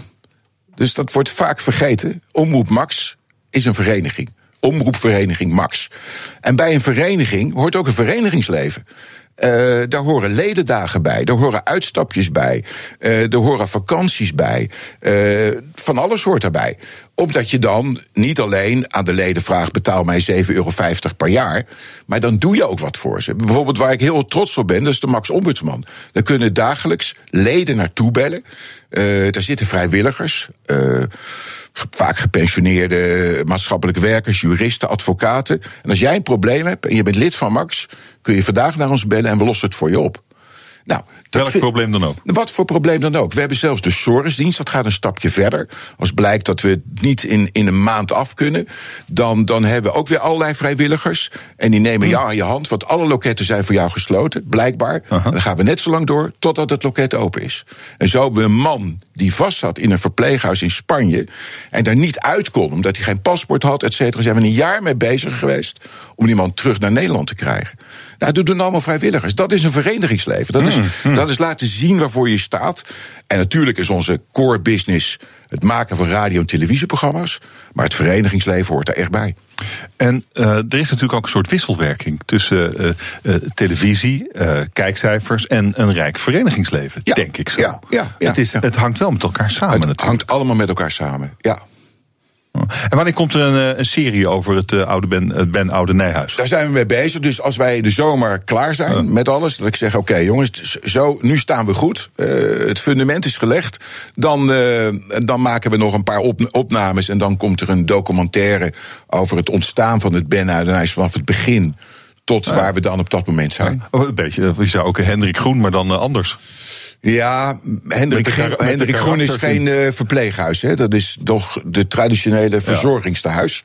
Waar ouderen gewoon uh, ja, nog kunnen functioneren en niet ja. dement zijn. Nee. Uh, en dat is bij ons toch wel een stukje anders. Maar misschien ook wel heel interessant. Ja, kan of ook zie je, daar, zie je daar bezwaar, ethische bezwaren misschien? Nou ja, wat ik, wat ik ook niet. Ik heb nog geen eens een opening gedaan. Weet je, ik bedoel, als er iemand voor openingen is, dan ben ik het wel. Maar ik vond dat niet passen. Ik stiek iemand voor aapjes kijken. Dat, dat, dat, dat wil ik niet. Ah, ja. uh, maar wat we nog wel deze zomer willen doen. voor echt mensen die heel erg betrokken zijn geweest bij het Benno en IJs. en voor familie. is een tuinfeest geven. En dan uh, gaan we het officieel openen. Ook met de familie hmm. erbij. van, uh, van Benno, Benno de Nijhuis. Uh, Iets heel anders. Uh, over de televisie. Afgelopen vrijdag stond er een uh, column over jou in het AD. Uh, van Angela de Jong. Ja. Zij is columniste. we hebben haar even gebeld, want ze heeft een vraag voor jou. Luister. Dag Jan, Angela de Jong hier van het Algemeen Dagblad. Um, af en toe waag ik het wel eens om uh, in het hoofd van John de Mol te kruipen en te bedenken wat ik zou doen als ik hem was en uh, van mijn zender de grootste wilde maken. En eigenlijk kom ik steeds tot dezelfde conclusie dat ik uh, jou wel zou willen hebben als programmadirecteur. Want er is niemand in heel Hilversum die zo goed aanvoelt waar mensen de televisie voor aanzetten in dit Netflix-tijdgevricht. of het nu bejaarden met caravan zijn of mensen die een oude koffer willen verkopen. We gaan er met z'n allen met meer dan een miljoen mensen gewoon weer voor zitten met een bakje chips voor onze neus. Um, dus mijn vraag is: wat zou jij doen als hij belt? Heeft hij gebeld? Nee, hij heeft niet gebeld. Hij heeft me wel een appje gestuurd. Naar aanleiding van dat nou. uh, artikel. En toen schreef hij: Wat een goed idee, Jan. En ik heb hem toevallig drie weken geleden gesproken. Af en toe praten we wel eens met elkaar over gewoon de media en over allerlei andere zaken. Niet over dat ik bij hem zou komen werken. Uh, en dat ga ik ook niet doen. Uh, ik, ik, ik, weet je, dat, dat, dat we hebben een publiek bestel. En, en dat is al lastig genoeg met de eventuele bezuinigingen die nu weer aan zitten te komen. Ondanks wat er in het regeerakkoord stond. Mm. Daar werd gezegd niet bezuinigen. Mm -hmm. Nou, nu ligt er weer een rekening van 62 miljoen. Leg het maar uit. Hoe betrouwbaar uh, is de politiek? Maar goed, dat is nog een race die we moeten lopen. Maar ik vind dat, dat, dat uh, Omroep Max uh, in het publieke bestel thuis hoort jij en ik en alle mensen in Nederland betalen mee aan de publieke omroep via de inkomstenbelasting. Vroeger had je daar het kijk- en luistergeld voor. Dat is toen mm. is er een percentage afgesproken wat boven de inkomstenbelasting is gekomen. En dat is uiteindelijk het kijk- en luistergeld. Als je dat vertaalt, is dat nu 1,2 miljard. Nou, of nee, 2,1 miljard. Dat geld krijgen we al lang niet meer. Dat is al veel minder geworden. Maar goed, dit even terzijde. Uh, dus ik vind dat, dat, dat in, in het publieke bestel een omroep hoort te zijn voor ouderen. Net zoals dat er een omroep is voor, voor jongeren. Daar betalen mensen aan mee. En uh, dan zou ik het gek vinden. Kijk, ik heb het opgericht. Dan zou ik het achter moeten laten. Of meenemen. Ja, dat kan niet. Dat kan niet. Dat, dat verbiedt de mediawet. Oh. Uh, dat is ooit wel een keer gelukt met Veronica. En toen hebben ze gelijk wel gezegd: ja, maar dit is de laatste keer. Die oh, ja. hebben toen alles mee mogen okay, okay. ja. Dus, okay. maar dat heeft ook niet mijn, mijn, mijn voorkeur. Ik vind dat er gewoon een plek moet zijn uh, voor Max in het bestel. En om daar mooie programma's te maken voor een hele grote brede doel. Ja, en John de Mol die, die doet dat ook. En die zoekt dus precies iemand die dat kan. En je hebt bij Max bewezen dat je dat kan. Ja, nou ja, ja met, met natuurlijk, en dat, dat klinkt dan heel, oh wat ben je bescheiden, maar dat meen ik echt. Dat heb ik met een heel groot team van toegewijde mensen gedaan, die dagelijks aan onze programma's werken. En ik mag daar leiding aan geven. En natuurlijk druk ik daar best wel vanuit wie ik ben een stempel op. En maak ik ook keuzes van wat we wel en wat we niet doen. Maar alleen had ik dit nooit gekund. Mm. Dus ik heb heel veel fijne, leuke collega's die, mm. die iedere dag hiermee bezig zijn. Ik bedoel. Oké, okay. nou, oké. Okay. Het is ja. natuurlijk ook wel, uh, even ter relativering. Zou je kunnen zeggen, het is ook wel een makkelijke doelgroep. Want die, uh, die oudere kijker, die is misschien makkelijker voor de tv te porren nog. Hè? Die gaat misschien niet zo snel YouTuben of Netflixen. Nou ja, dat weet ik niet. Kijk, ik denk dat wij in zijn algemeenheid ervoor moeten zorgen, zowel bij de commerciële als bij de publieke omroep, dat wij programma's maken waar je vanavond naar wil kijken. En ja. vroeger was dat anders. Ja. Vroeger zette je de televisie aan en je keek gewoon wat er was, want ja. er was niks anders. Uh, maar die tijd is voorbij. Ook ouderen hebben Netflix. Ook ouderen weten best wel hoe zij aan, aan, aan, aan programma's kunnen komen buiten het lineair kijken om. Uh, maar bijvoorbeeld De Luizenmoeder, geen programma van Max van de Avrotros, is een heel goed bewijs dat wanneer je een programma maakt wat hartstikke leuk is daar moet je vanavond naar kijken. Anders kun je daar morgen op je werk niet over meepraten. Dus dat is wel de uitdaging waar we als publieke omroep voor staan. Het zijn een paar uurtjes in de week die, die dat bereiken. Nou, dat weet ik niet. Maar ja. misschien moeten we daar nog meer. Uh, Heel Holland Bakt, Wie is de Mol? En zo kan ik nog wel even doorgaan. Dat zijn toch programma's waar je vanavond naar wil kijken. En weet je, er zijn ook programma's op NPO 2 waar, waar 400.000, 500.000 mensen naar kijken. En naar de eilanden met, met Midas Dekker. Nou, daar ben ik hartstikke trots op. Dat is voor NPO 2 een heel mooi cijfer.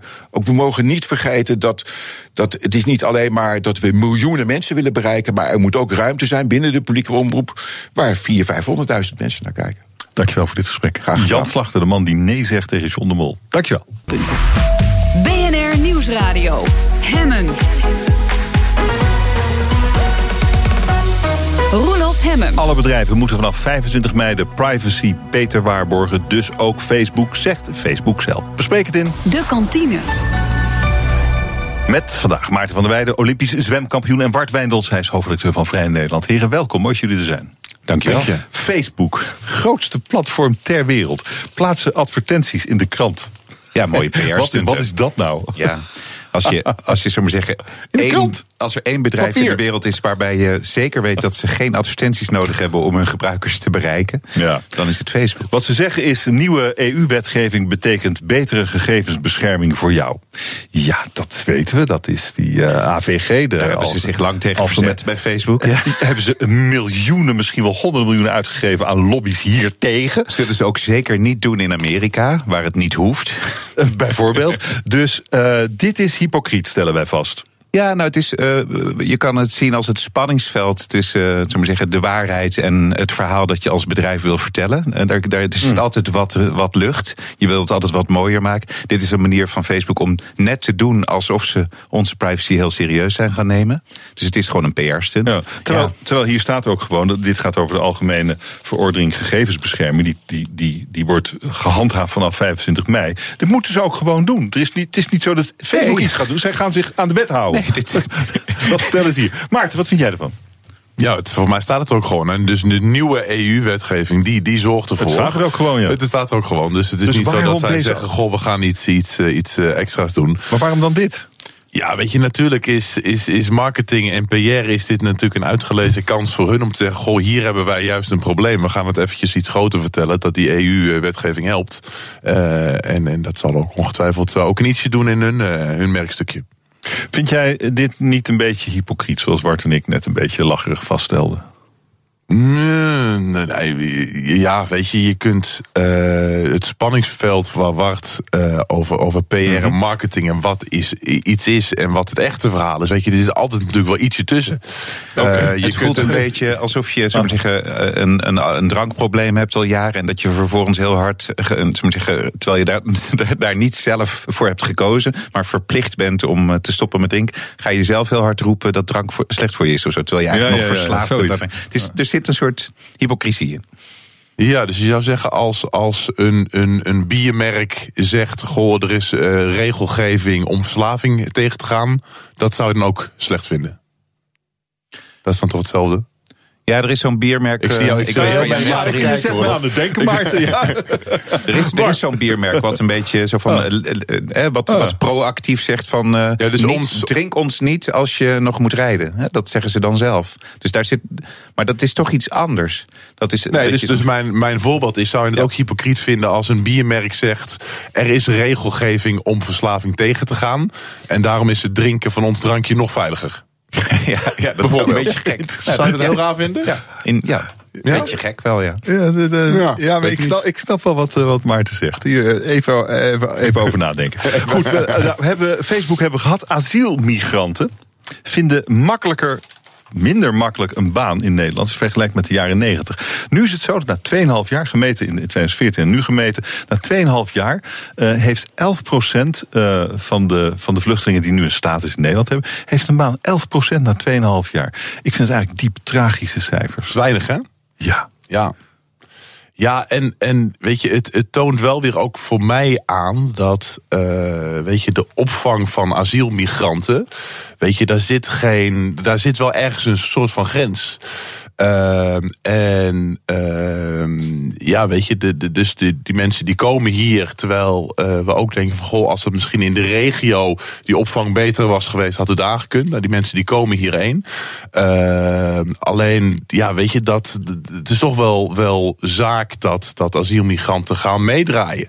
En dat je dan ziet dat dat nog, eh, nog maar eh 11% is, dan is het heel weinig. Dat is voor, alle- voor iedereen slecht. Voor, vooral voor die mensen zelf slecht. Absoluut, absoluut. Ah, Bart, wat gaan we hier aan doen? Ik denk dat je ehm, echt, echt heel erg individueel moet gaan kijken. Wat, wat doet iemand hier? Ehm, wat voor soort ambities heeft diegene? Hoe kunnen we diegene persoonlijk helpen om in die maatschappij te integreren? Dus dat, daar gaat gewoon heel veel tijd en aandacht moet Het er naartoe. sy- systeem is niet, niet persoonlijk genoeg. Ik denk, ik denk dat het nu iets te generiek wordt aangepakt, ja. Ja. Ja, maar ik vind het wel te makkelijk om dan zeg, te zeggen dat het, omdat dit zo is, dat het systeem dan verkeerd is. Weet je, je kunt natuurlijk ook volgens mij eh, de, de, de gemeenten in Nederland, die zijn, die zijn daarvoor voor, eh, voor verantwoordelijk. Hè? Ehm, ja, weet je, je kunt natuurlijk ook, ook zeggen de, de, de eisen en de verwachtingen die wij stellen. eh, ja, die, die mogen misschien wel ietsje, ietsje, ietsje strenger ook. Dus, dus bijvoorbeeld eh, de, de regels, de, de, de, de taal. Eh, verwachting die wij hebben eh, voor, voor asielimmigranten is nou, bijna een soort van dat ze een, een menukaart in een restaurant kunnen lezen. Ja, weet je, als het gaat om, goh, die mensen moeten er hier een bestaan kunnen opbouwen. Ja, dan, dan zou een, een, een gesprekje op een werkvloer kunnen hebben. Ja, dan toch wel handig zijn. Eh, maar in plaats van alleen maar naar het systeem te wijzen, ja, heeft een, een, een asielmigrant er ook wel een stukje eigen verantwoordelijkheid. Ja, en, en zouden, zouden ze die onvoldoende nemen? Dat is eigenlijk wat je zegt. Het, maar 11 procent is die zo. is heel weinig, hè? Maar je, je wil toch wat doen als je. Het zijn natuurlijk vaak jonge mensen. Die willen toch gewoon iets. Die willen toch niet. Jij wilt toch ook niet in een asielzoekerscentrum zitten. of de hele dag een beetje bijstand uitkering op de bank. Dat wil je toch eigenlijk niet? Nee. Waarom zij dan wel? Die willen dat dan toch ook niet? De meeste, denk ik dan. Ja, nou, dus je ziet dat het, dat het cijfer heel laag is. Ja. Eh, ja, weet je, de, de oorzaak daarvan, eh, en of dat dan het systeem is eh, of, of, of iets anders is, weet je, dat, eh, dat staat er niet in, denk ik. Nee, dat staat, Nee, dat staat, jammer, staat- nee, dat is wel een beetje jammer. Maar goed, daarom hebben, hebben wij de kantine. Kunnen we het allemaal mooi bespreken natuurlijk. Ja, nou, mijn, mijn schoonvader die is eh, heel lang directeur geweest van een aantal asielzoekerscentra in eh, het zuiden van het land. Eh, en kijk, dit zijn cijfers van we zeggen, mensen die een arbeidscontract hebben ergens. Ja. Er wordt natuurlijk ook een hoop, er gebeurt ook een hoop in zo'n asielzoekerscentrum. hè. Er is een hoop bedrijvigheid en een hoop ondernemingslust, wat niet zich vertaalt in Oh, die percentages. Ja. Wat dus misschien is die andere 89% vrijwilligerswerk aan doen, eh, parttime. Er gebeurt, eh, er, er ja. wordt natuurlijk, en Dat het kost ook niet. heel veel. Nee, denk je niet? Nee, denk jij niet? echt van wel? Ja, dat, dat weet ik niet, maar Ja, als je reportages leest over waar dorpen waar asielzoekerscentra gesloten worden. En dat de mensen in het dorp die eerst nog in optocht eh ertegen Ja. protesteerden een paar jaar terug. Nu zeggen van jeetje man, we, we verliezen hier echt iets. eh, die bedrijvigheid en die, die mensen die hier in dat centrum zaten. Die, eh, het, we vinden het jammer dat we ze weer kwijtraken. Dus het, het, is, ja, het is een complex verhaal. Het is hè. behoorlijk complex, die conclusie kunnen wij trekken. Wat niet zo complex is, is die Mitchell van der K uit Almere. Eh VVD'er, die ja, kijk nu naar Maarten. kijk die, mijn kant op, ja. Want, nou ja, goed, jij staat natuurlijk bekend als je was lijstduur van de VVD, de laatste verkiezingen. De ene laatste verkiezingen. Ehm, maar goed, dit, dit is dus een, een VVD. Wat hij deed, eh, volgens eh, de Telegraaf, is eh, zoeken in de computers van bekende vrouwen. of die misschien naaktfoto's kon vinden. Ja, ja, en dat mag niet, hè, dat is duidelijk. Dat is tamelijk verboden. Hij is ook meteen gerooieerd als eh, Ja, lid van de VVD. Hij is Ja. ook Ja, dat verbaast me dan weer. dat, nou ja, goed. Wij hebben elk jaar, al zes jaar eh, op rij, hebben we een politieke integriteitsindex. Waar alle integriteitsovertredingen van, eh, van politie in Nederland worden geïnventariseerd. En al zes jaar staat de VVD ruim, hè, dik aan kop. Ja, Want, dat ja, dat ondernemende gewoon- mensen. Nou Maar ja, waarom is het maar het, dat het royeren van het lid dan een verbazing? nou ja, dat op zich, eh, we zeggen, het zit in het DNA van de VVD om heel veel te tolereren op dat terrein. Dus dan is het Maar wel een beetje rigoureus. Nou ja, dat is jouw grens.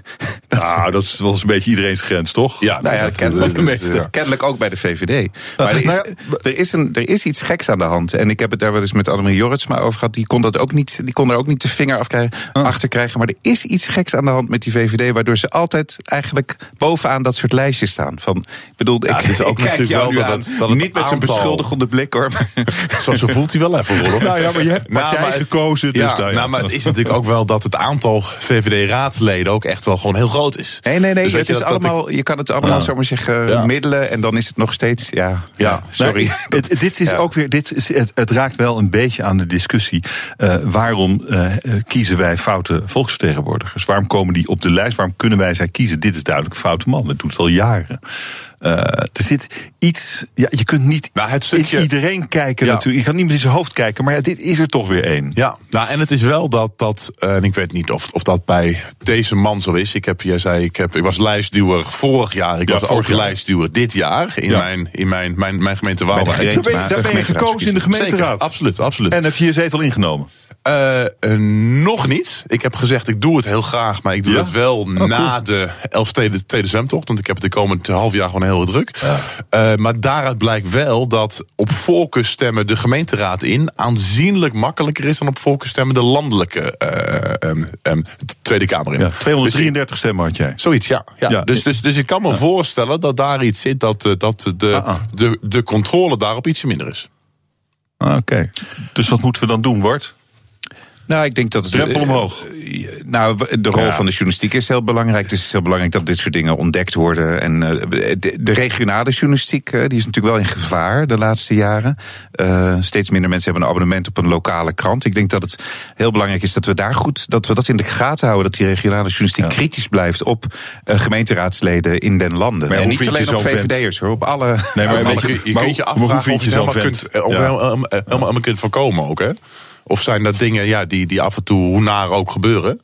eh, en dat dan eh journalistiek deze rol, deze controlerende rol speelt... dat het eigenlijk hartstikke goed is. Het zou Nee, het goed zal is. altijd gebeuren, tuurlijk. Dat is zo.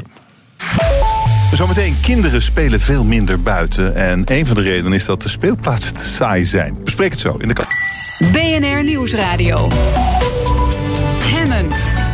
We bespreken het nieuws van de dag in de kantine. Jurgen Rijman gaat dat zo meteen ook doen in Anything vanaf twee uur. Waar ga je het over hebben? Over mijn favoriete soorten mensen, trollen. Trollen. Oh, heerlijk, al die We hebben natuurlijk het hele gedoe gehad met eh, Dotan, eh, die een aantal Oh ja. mensen had gehad die hem aan het trollen waren.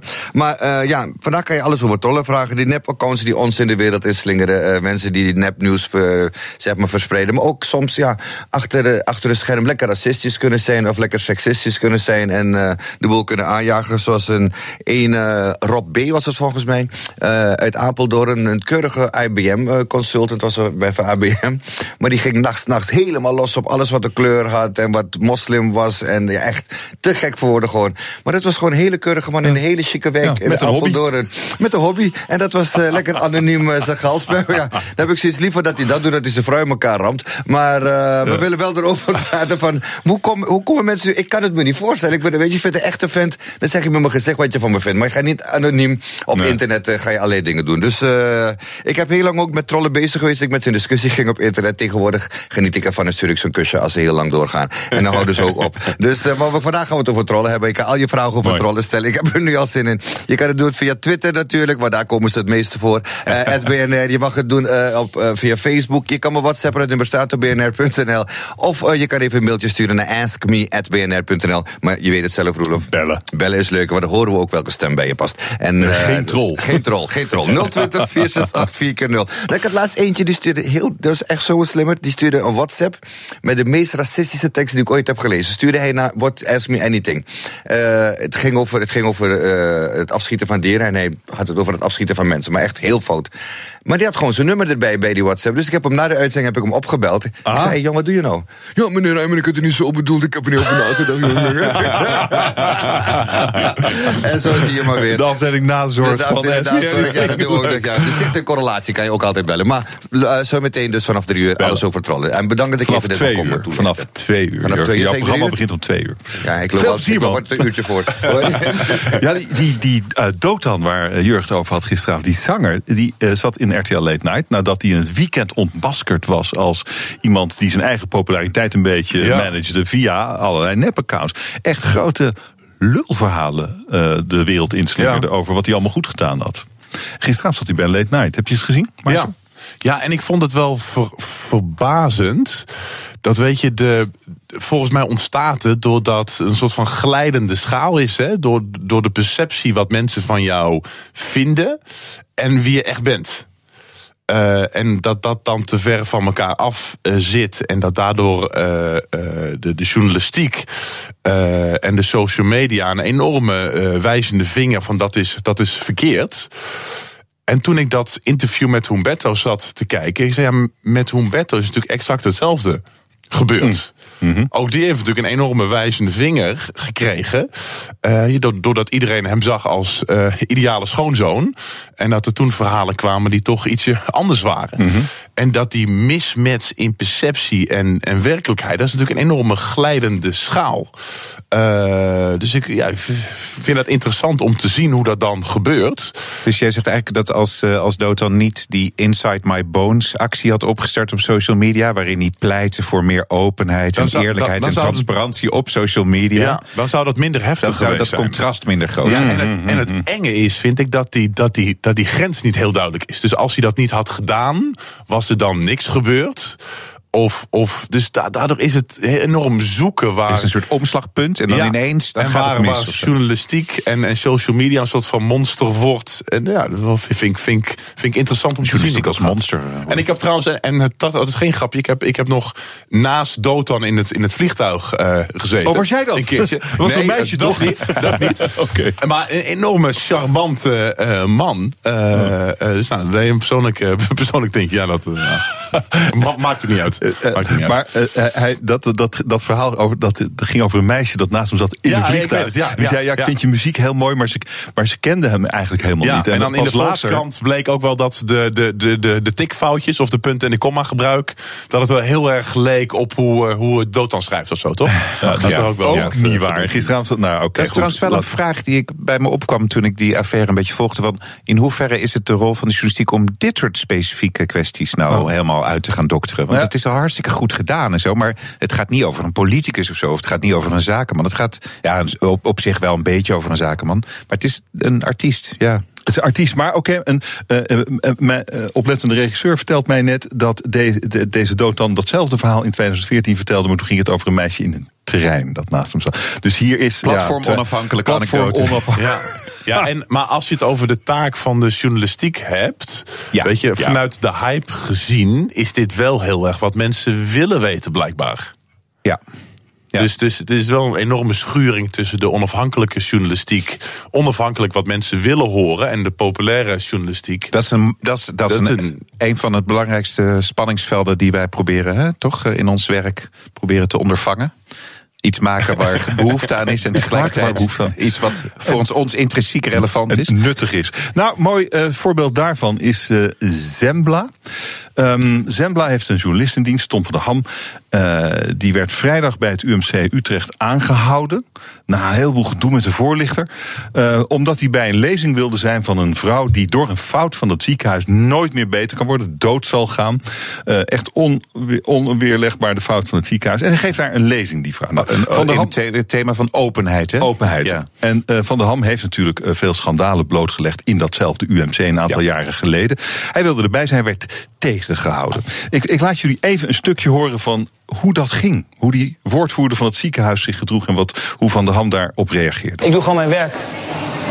Ik heb, ik heb alle. Waarom doen andere journalisten doen die hun werk dan niet goed? Ja, dat kan ik niet beoordelen. Ik, Kom ik op, weet doen, doen andere journalisten hun werk dan niet goed? zeker wel, maar ik heb een aantal Nou, belangrijke en, waarom verhalen gemaakt. het, en waarom lukt het dan met hen wel om goede afspraken te maken... waarvan ik zie dat ze integer zijn in de manier waarop dit... Welke afspraak heb ik dan geschonden eh, naar, naar het ziekenhuis toe? Ik heb volgens mij me altijd keurig aan mijn afspraken gehouden. Ik ben altijd open geweest. Ik heb, ik heb, we hebben het vandaag hierover. Wij hebben elkaar aan de ja, maar telefoon. je zegt, je vertrouwt me niet. Ik, nee, ik vertrouw je niet. Ja, maar dat moet, dan moet je wel met feiten komen, omdat wantrouwen... Vertrouwen, dat is emotie. Ja, maar jij zegt... Ja, maar vertrouwen is emotie. Jazeker. En- Juist. En ik heb dat vertrouwen niet bij jou. Ik vertrouw je niet, dus jij mag er niet in, zegt de woordvoerder. Ja, Russische toestanden. Nou, dat is te onaardig voor Rusland eigenlijk. Ik bedoel, het is echt. Ik vind het echt far beyond wat mag. Wat mag Dit heeft alles te dit maken land. met het eh, verleden van Van der Ham eh, in zijn reportages over dat ziekenhuis. Ja, natuurlijk. Waarbij maar je hij mag echt een- goed werk gedaan Ja, heeft. precies. Het is goed werk. En dat, hij is zo wordt hij nu gepakt. Ja, hij is vast ook Door wel een- Erik een Windhamer, de voorlichter. Ja, Ja, ja. ongetwijfeld. Ja, dus het mag, het mag wel onder spanning staan, zo'n relatie tussen een voorlichter en een journalist. Dat is helemaal niet erg. Maar ik- ik heb de dus- consequentie is nu gewoon veel te groot. Maar de zuiverheid is weg hier. Ja, totaal. Wat, wat vind jij hiervan, Maarten? Jij bent geen, er staan twee journalisten te praten over wat een andere journalist is aangedaan. Maar jij bent geen journalist. Hoe kijk jij hier naar? Ja, nee, de journalisten die, die moeten daar kunnen zijn en die moeten gelijkwaardig eh, behandeld worden. Eh, ja, zonder de ins en outs te kennen vind ik het wel lastig om, om daar eh, ja, heel veel meer over te zeggen. Nou ja, ik, ik vind het, wat mij dwars zit is ook de, de, de, de- hoe, hoe eh, Tom van der Ham ook reageert. De, de totale verbijstering over wat hem overkomt. En die woordvoerder die heel wel overwogen, heel rustig, goed formulerend... in tegenstelling tot Van der Ham, uitlegt dat hij er niet in komt. Want ik vertrouw jou niet, Ja. op zouten. Ja. Nee, En dan laat hem ook arresteren en afvoeren. Ja, dat, dat, dat, eh, bedoel, dat is echt verbijsterend, vind ik. Dat je, om te zeggen, een beveiliger. Maar hij, hij laat hem arresteren en afvoeren op, op welke gronden dan? Huisvredebreuk. Huisvredebreuk. En Hij, hij, hij stond in het ziekenhuis. ja. geloof ik. En dat doet die beveiliger dan binnen één seconde. Zegt hij, ik verorder u nu te vertrekken, ik verorder u nu te vertrekken, u... Ja, op, opgepakt. Nou ja, zo doe je dat. Hij deed eh, zijn werk op zich goed natuurlijk. En weg was de Eh, journalist. Nou ja, in, als de ja, Instrumenteel, je, dat zo snel allemaal- mogelijk eh, een journalist kalt stellen. Ja, ja, maar dat deed eigenlijk die voorlichter. Ja, dat was dat natuurlijk. En uiteindelijk is het eigen- de verantwoordelijkheid van eh, de raad van bestuur van zo'n ziekenhuis. Hoe moet dit nou verder gaan? Wat moet er nu gebeuren? Er moet een groot mea culpa komen van het ziekenhuis eh, eh, richting Zembla.